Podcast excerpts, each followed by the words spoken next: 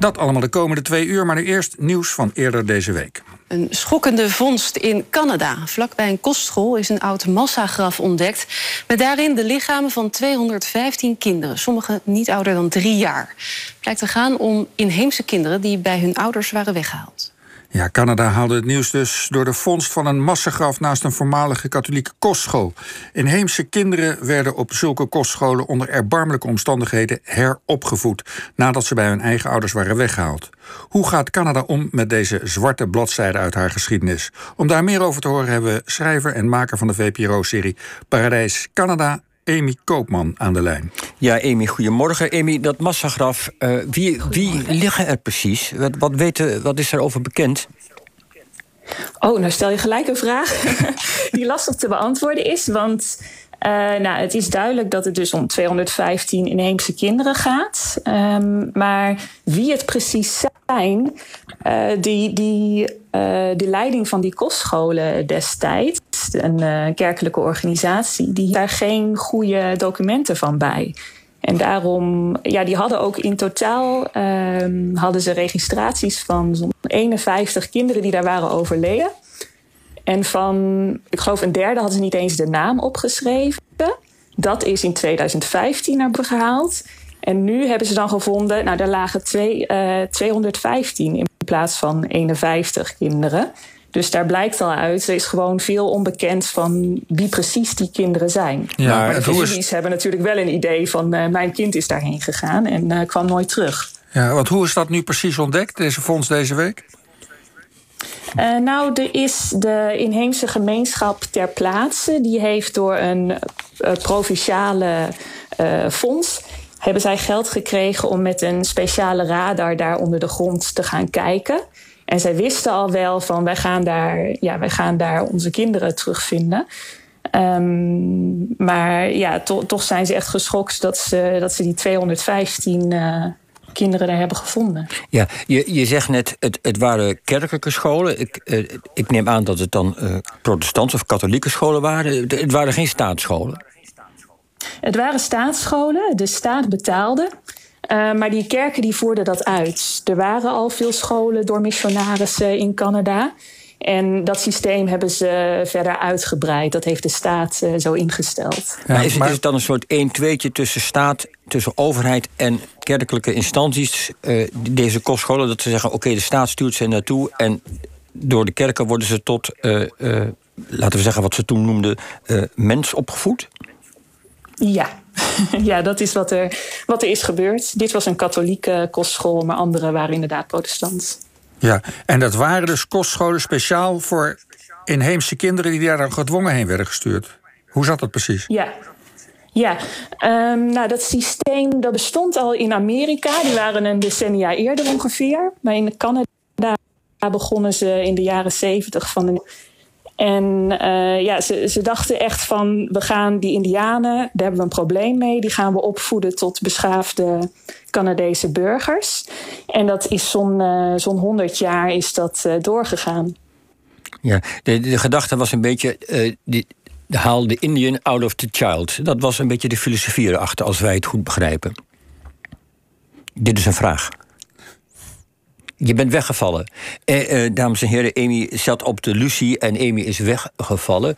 En we gaan Amy nu proberen te bellen op een gewone ouderwetse telefoon. Ik neem aan dat dat ook een mobiel is. En ik zit te wachten op het teken van uh, de... Ze hangt alweer. Amy, ben je er weer?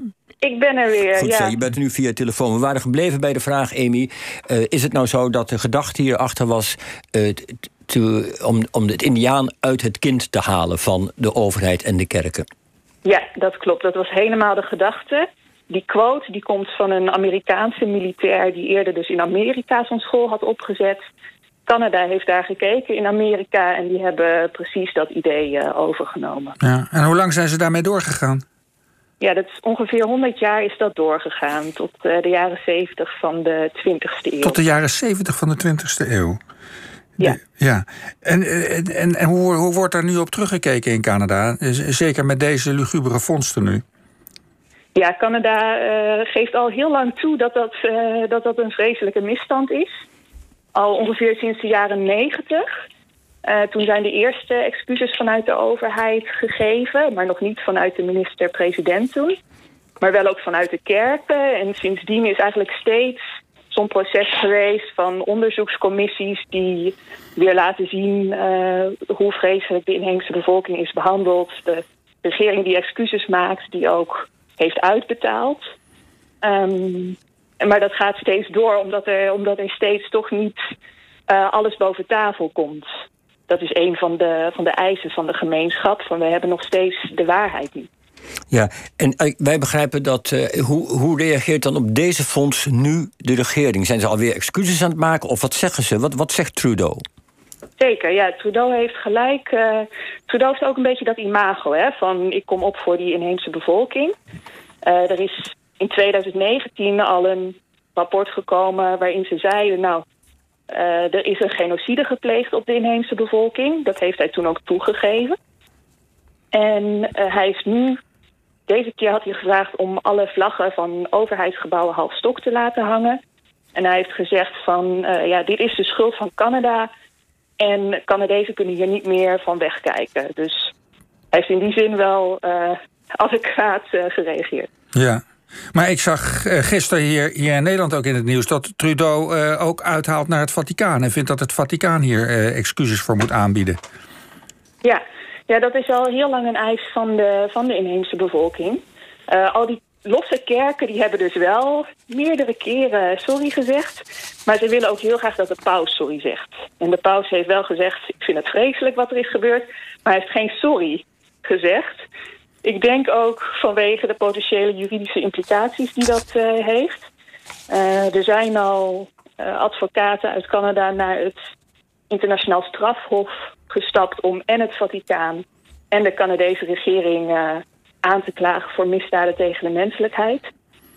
Dus ik denk dat zij ook ook zoiets hebben van als wij sorry zeggen... dan is het wel heel officieel wat we hebben gedaan.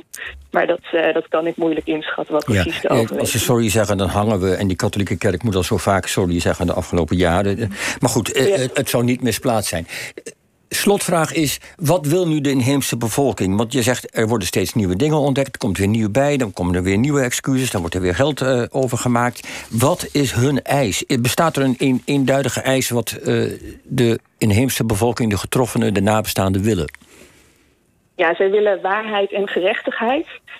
En ja, waar bestaat dat dan precies uit concreet? Dat is heel lastig. Uh, ze willen wel heel concreet dat er nou bij al die voormalige kostscholen wordt gezocht naar de overblijfselen. Want daar hebben ze al in 2009 geld voor gevraagd, hebben ze toen niet gekregen. Um, dus dat, dat is een concrete eis. Maar wat eigenlijk onderliggend is, is zij willen graag niet meer als tweederangs burgers worden gezien en behandeld. Zij willen dat respect. Maar dat vragen ze steeds binnen zo'n westers systeem. Dus dan gaan ze weer rechtszaken aanspannen, dan krijgen ze weer geld. Maar dat is natuurlijk niet genoeg om je echt gewaardeerd te voelen. Dus dat, ja, dat is nog een heel proces. Ja, dat, is een, dat noemen we, daar is een maatschappelijke ontwikkeling voor nodig. Dat kun je niet zomaar ja. afdwingen. Maar goed, nee. nou ja, helder. Ja, Amy Koman, bedankt. Want dit is waarschijnlijk maar het, het, topje van de ijsberg nog, begrijp ik uit jouw verhaal. Die misstanden op die kostscholen waarbij zoveel kinderen overleden... dat was veel breder dan deze ene katholieke school. Ja, zeker. Ja, er waren iets van 140 scholen door het hele land. Dit was wel de grootste. Dus uh, wat dat betreft is misschien de, het naarste gevonden. Maar door het hele land zullen daar lijken opduiken, ja. Nou, laten we hopen dat dit het naarste was. Amy Koopman, dank je wel. Graag gedaan.